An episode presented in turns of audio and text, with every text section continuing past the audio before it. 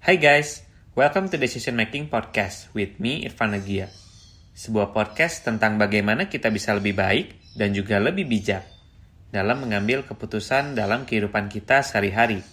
Dibahas dari berbagai perspektif, terutama keilmuan psikologi dan behavior science.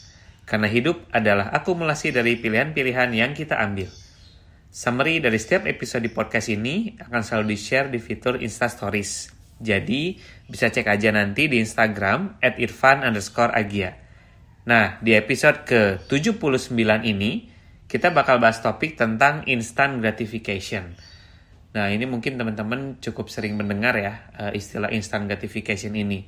Jadi, nah di sini kita akan bahas apa sih artinya dari instant gratification, kemudian apa yang terjadi di dalam diri kita, terutama di otak kita gitu ya. Misalnya saat kita melakukan instant gratification, kemudian bagaimana cara kita overcome untuk bisa mendelay lah istilahnya ya, biar kita tuh tidak selalu terjebak dalam uh, instant gratification. Nah, kita akan bakal bahas di podcast kali ini, terutama di episode uh, ke-79 ini, dan sekarang kita akan bisa start dari definisinya dulu ya biar kita clear dan punya perspektif yang sama. Apa sih artinya dari instant gratification ini sendiri?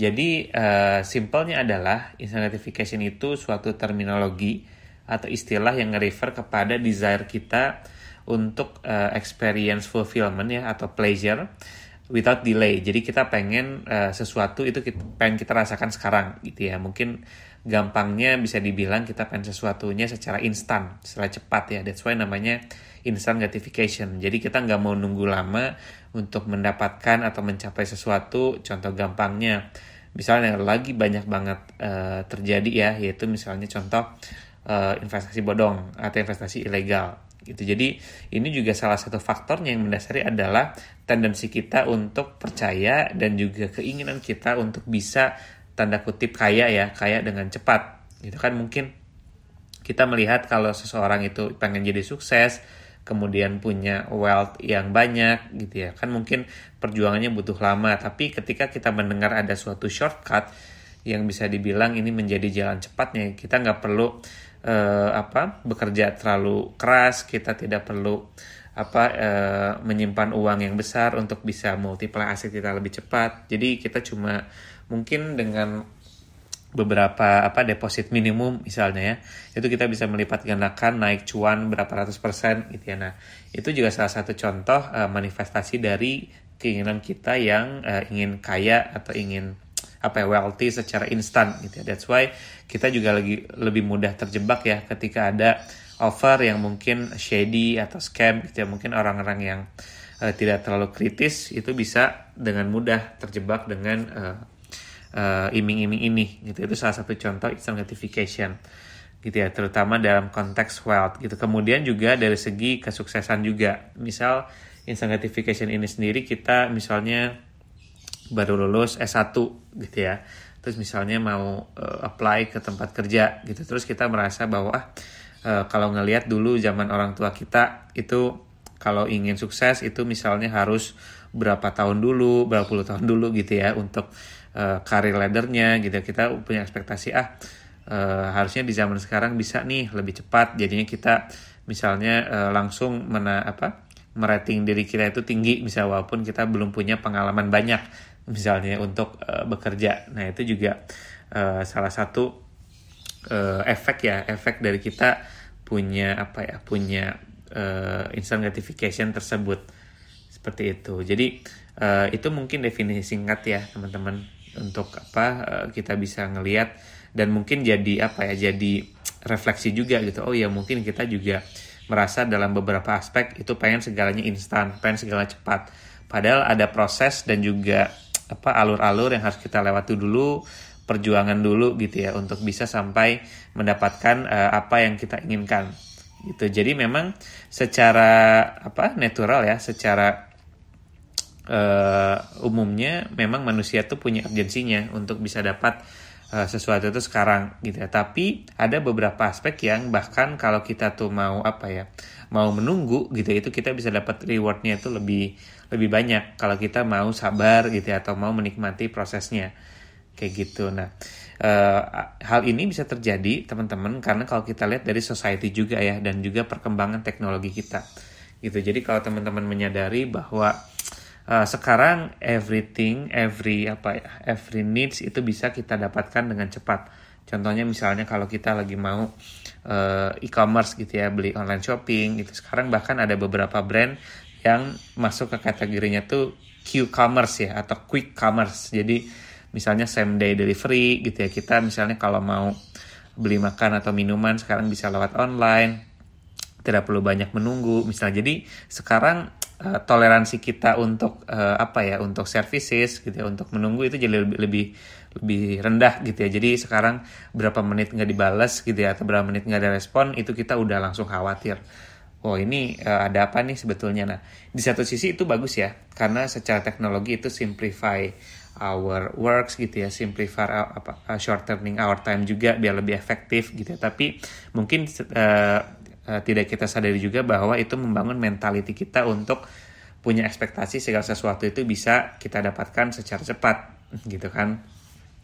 Nah, yang jadi tantangannya adalah bagaimana kita bisa tetap uh, bijak ya dalam menyikapi perkembangan teknologi tapi tidak sampai membuat kita jadi seseorang yang menginginkan segala sesuatunya dengan instan karena tidak semua aspek dalam hidup ini bisa kita dapatkan secara instan ya. Jadi uh, takutnya kita jadi impatient gitu ya dalam segala hal seperti itu. Nah, uh, instant gratification ini sendiri juga terefleksi nggak cuma dari industri jasa ya, tapi juga dari contoh dari produk, uh, contohnya seperti fashion gitu ya, fashion industry. Nah, jadi kayak kalau kita lihat memang sekarang ada tren uh, fast fashion ya, walaupun ini udah mulai banyak di counter. Jadi kita jadi pengen ada needs untuk stay update dengan emerging trends gitu ya. Kita ada keinginan buying the next hot item gitu ya misalnya jadi uh, needs kita untuk punya uh, apa uh, brand terbaru kemudian model terbaru di industri fashion itu makin uh, bigger ya sekarang gitu ya. Karena memang dari segi industrinya pun setiap uh, apa setiap seasonnya setiap bulannya mungkin ada desain yang baru dipromot gitu ya. Nah walaupun fast fashion ini sendiri juga sedang apa ya jadi banyak di counter juga ya karena uh, bukan hanya tidak baik untuk uh, konsumen secara spending ya gitu jadi lebih boros tapi juga untuk lingkungan juga. Nah, apa sih teman-teman yang terjadi di dalam uh, our uh, our brain ya atau otak kita saat kita uh, apa uh, merasakan instant gratification tersebut? Gitu ya banyak hal dari segi misalnya apa online shopping gitu kan. Bahkan mungkin bisa dating juga ya. Dating kan sekarang juga udah apa ya? Udah bisa difasilitasi dengan teknologi ya. Jadi kita punya ekspektasi juga kita bisa lebih cepat nih dalam menemukan uh, pasangan kita lah istilahnya. Nah, desire-desire untuk quickly meet our needs ini juga uh, seperti tadi bilang not necessarily a bad thing, tapi dengan mentality quick fix solution di digital age gitu ya.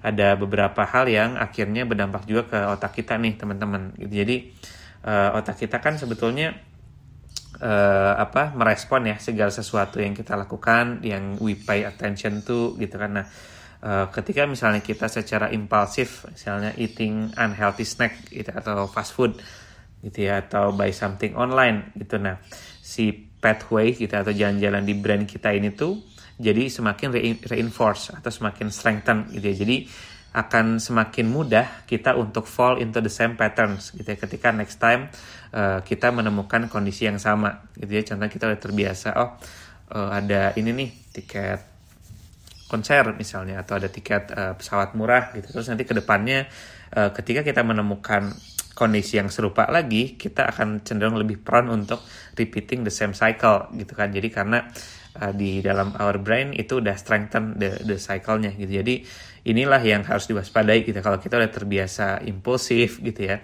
pengen sesuai segala instan apalagi sekarang udah ada tanda kutip dimudahkan dengan pay letter misalnya. Jadi kita semakin mudah menjustifikasi atau merasionalisasi the tanda kutip uh, YOLO lifestyle lah ya. Jadi kayak you only live once gitu mending uh, by now regret later misalnya kayak gitu kan.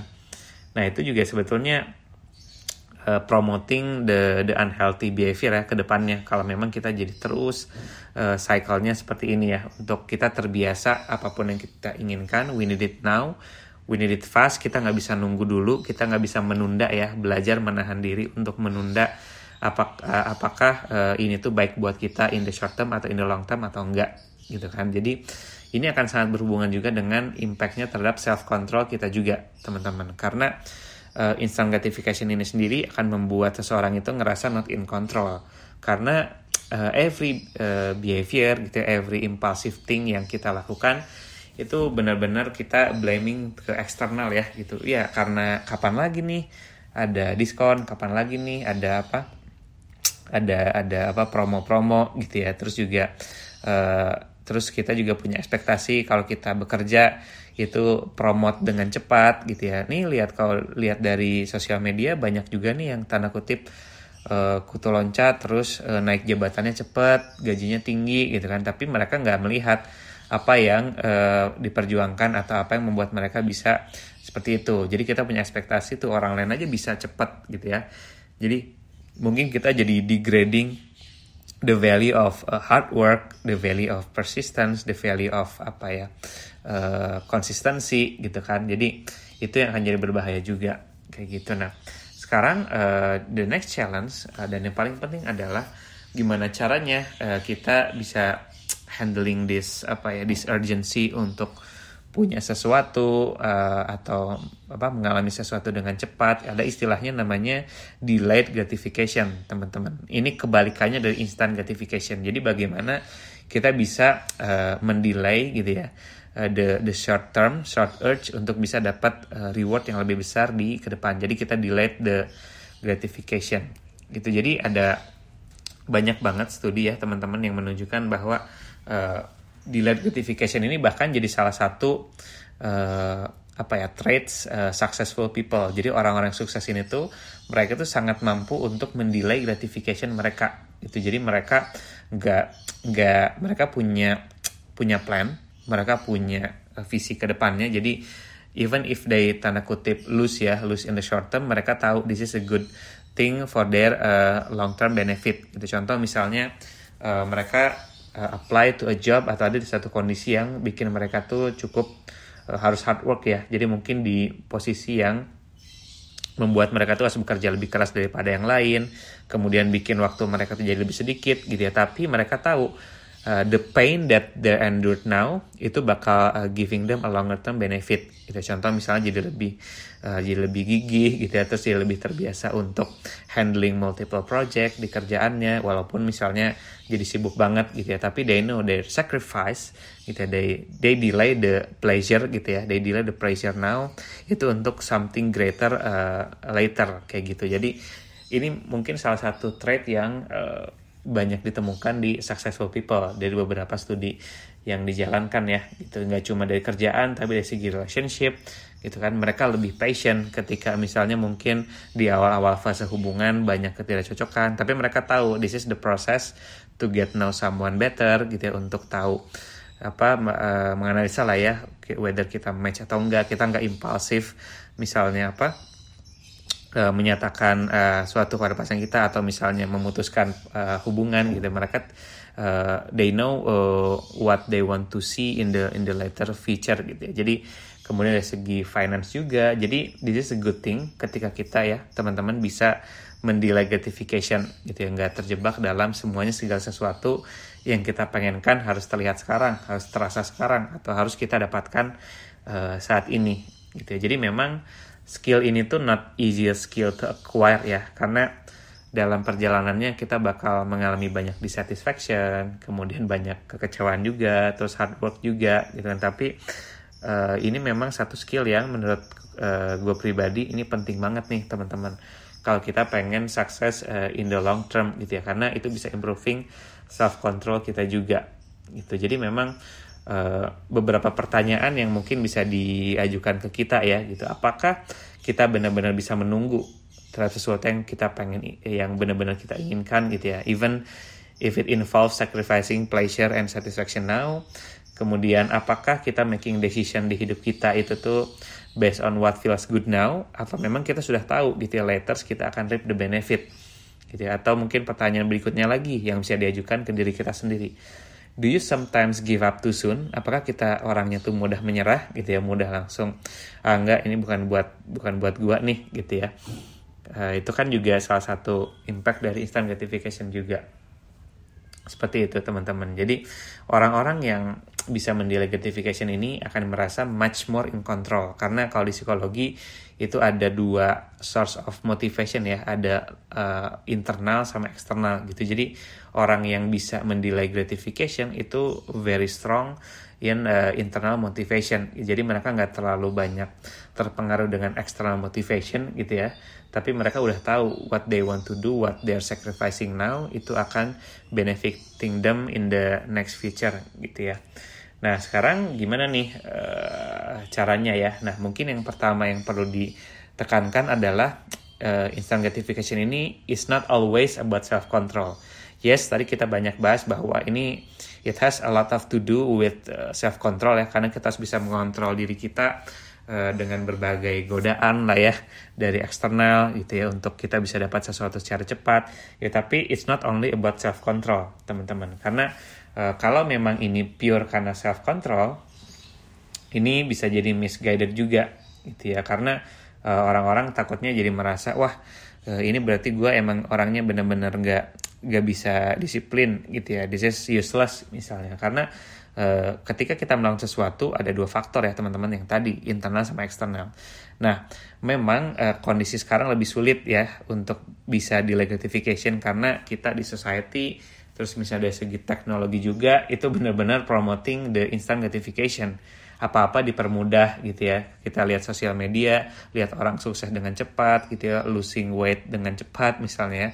Ada cara-cara instan itu of course akan sangat mempengaruhi kita. So we cannot fully blame ourselves gitu ya karena kita uh, melakukan instant gratification karena memang yang di feeding ke kita di sosial media, dari teknologi semua dipermudah itu memang promoting this kind of uh, belief gitu ya. Jadi uh, the other factor di luar dari self control itu adalah uh, belief terkait delay gratification ini sendiri teman-teman jadi uh, kita tuh akan bisa mampu untuk uh, menunda ya menunda kesenangan kita short term tapi untuk longer term adalah ketika kita percaya bahwa we will receive that long term reward gitu kan. Jadi ketika kita uh, not sure kita nggak punya bayangannya apakah benar kalau saya misalnya apa menunda kepuasan sekarang gitu misalnya contohnya menunda uh, apa nggak beli misalnya apa mainan gitu ya mainan-mainan uh, apa yang uh, collectibles atau uh, menunda misalnya apa liburan sekarang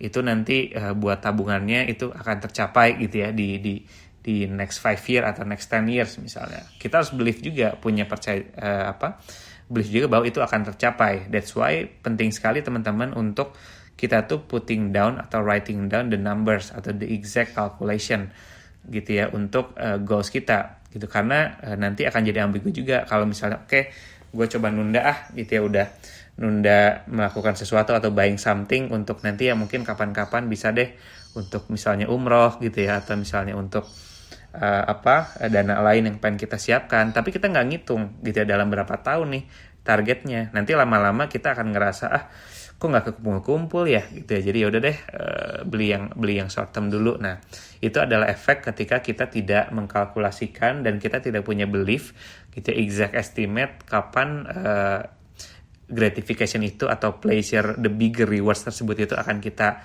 capai gitu ya. Jadi itu penting banget teman-teman untuk kita punya belief tadi. Jadi we need to have realistic sama time bound goals juga gitu ya untuk kita bisa melihat gitu ya in the future. Oke okay, oke okay, gue tahan deh tahan tahan gitu ya untuk ini. Karena adalah di tahun depan nih buat tahun depan gue bakal berangkat ke bisa ke Europe deh buat liburan gitu ya daripada uh, eh, gue banyak online shopping gitu ya. Jadi kita lebih termotivasi karena tahu gitu ya kalau kita bisa menunda ini tahun depan kita udah punya time goal time goalsnya gitu ya. Kita bisa berangkat uh, liburan atau sesuatu yang kita pengen bener-bener inginkan gitu ya itu uh, yang pertama. So we need to have realistic sama time bound goals gitu ya. Yang kedua adalah ini bagaimana kita uh, trik uh, untuk menghilangkan trigger-trigger ya yang merimain kita untuk uh, indulge in impulsive behavior. Jadi ada istilah juga out of sight itu adalah out of mind gitu. Jadi kalau contoh misalnya kita pengen uh, apa menurunkan berat badan goalsnya gitu ya terus the instant gratificationnya oh kita ngelihat ada kue ada coklat ada makanan yang enak-enak gitu. Aduh uh, coba deh icip-icip gitu kan instant gratification ya. Itu pleasure in the short term tapi bakal mengganggu goals kita in the long term. Jadi uh, ketika kita misalnya on diet ya kan ya paling penting don't buy junk food gitu nah. Tapi akan sulit ketika orang-orang di rumah kita gitu ya misalnya uh, ada ada yang makan juga terus misalnya nyimpan makanannya di kulkas gitu ya. Jadi kita bisa bilang put put the apa the trigger atau the the distractor itu uh, jauh-jauh dari kita gitu. Misalnya kita minta contoh orang rumah uh, kalau misalnya lagi makan kue atau apa jangan depan gue dong misalnya. Atau misalnya nyimpan di kulkas gitu ya jangan sampai kelihatan. Karena itu biar meminimalisir apa trigger kita gitu ya untuk tidak teringat uh, mau indulge in those behavior gitu. Kayak contoh misalnya kalau teman-teman juga mau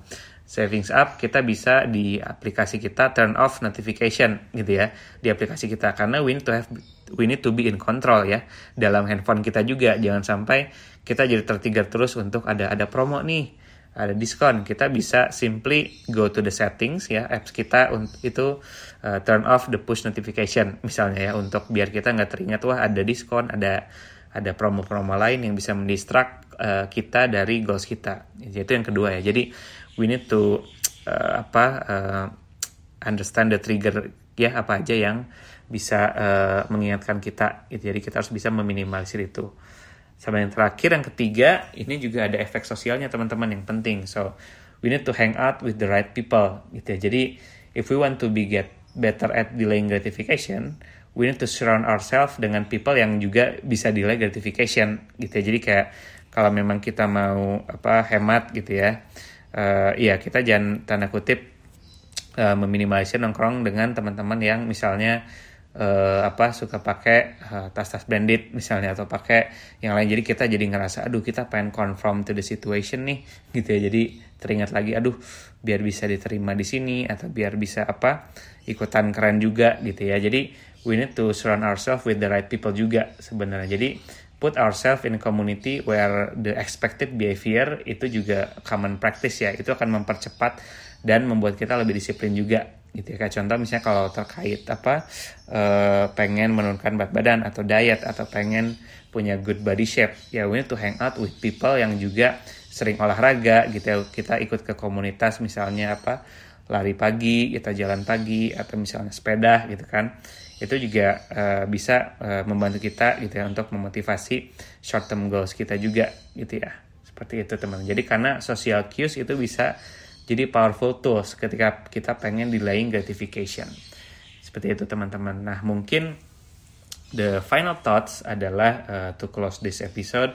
Uh, ini nggak mudah ya teman-teman instant gratification ini karena seperti yang tadi bilang salahnya itu nggak cuma dari uh, self control kita aja tapi memang dari environment kita yang uh, engineering the situation itu semua dipermudah ya. Banyak promo juga kemudian semua dipermudah secara teknologi sosial media juga. Jadi uh, allow ourselves to learn over time. Jadi ini memang sedikit demi sedikit ya teman-teman untuk bisa kita belajar untuk mendelay gratification. Kita memang gak bisa resist every urge, every apa ya, every temptation at once. So it's okay, give in sometimes gitu ya. Tapi keep in mind itu kan bahwa setelah kita bisa melakukan hal tersebut gitu kan uh, outcome-nya apa nih? Kita harus bisa evaluate whether it's a good decision atau itu malah bikin kita jadi lebih apa ya jauh dari goals yang kita inginkan karena we will learn uh, to make better decision if we pay attention to our outcome. Oke, okay, mungkin itu aja teman-teman. Thank you untuk yang sudah mendengarkan. Untuk episode selanjutnya, gue bakal bahas topik uh, tentang marketing psychology. Ini mungkin yang banyak juga di request ya. Jadi apa sih? Uh, mungkin trik-trik psikologi yang kita mungkin nggak apa ya, nggak sadari, tapi itu ada nih di marketing gitu yang mempengaruhi kita untuk uh, membeli sesuatu atau menggunakan suatu produk atau jasa. Nah, kita bakal bahas di episode selanjutnya. So, sampai jumpa di episode ke-80. Kalau ada request atau masukan tentang feedback, uh, topik-topik lain, boleh banget email atau message gue di Instagram at irfan underscore agia. Dan kalau teman-teman merasa topik di podcast ini berguna atau memberikan wawasan yang baru, please do share it to others. Bisa bagikan link konten podcast ini di Instagram because sharing is caring. Thank you and see you in the next two weeks. Bye-bye.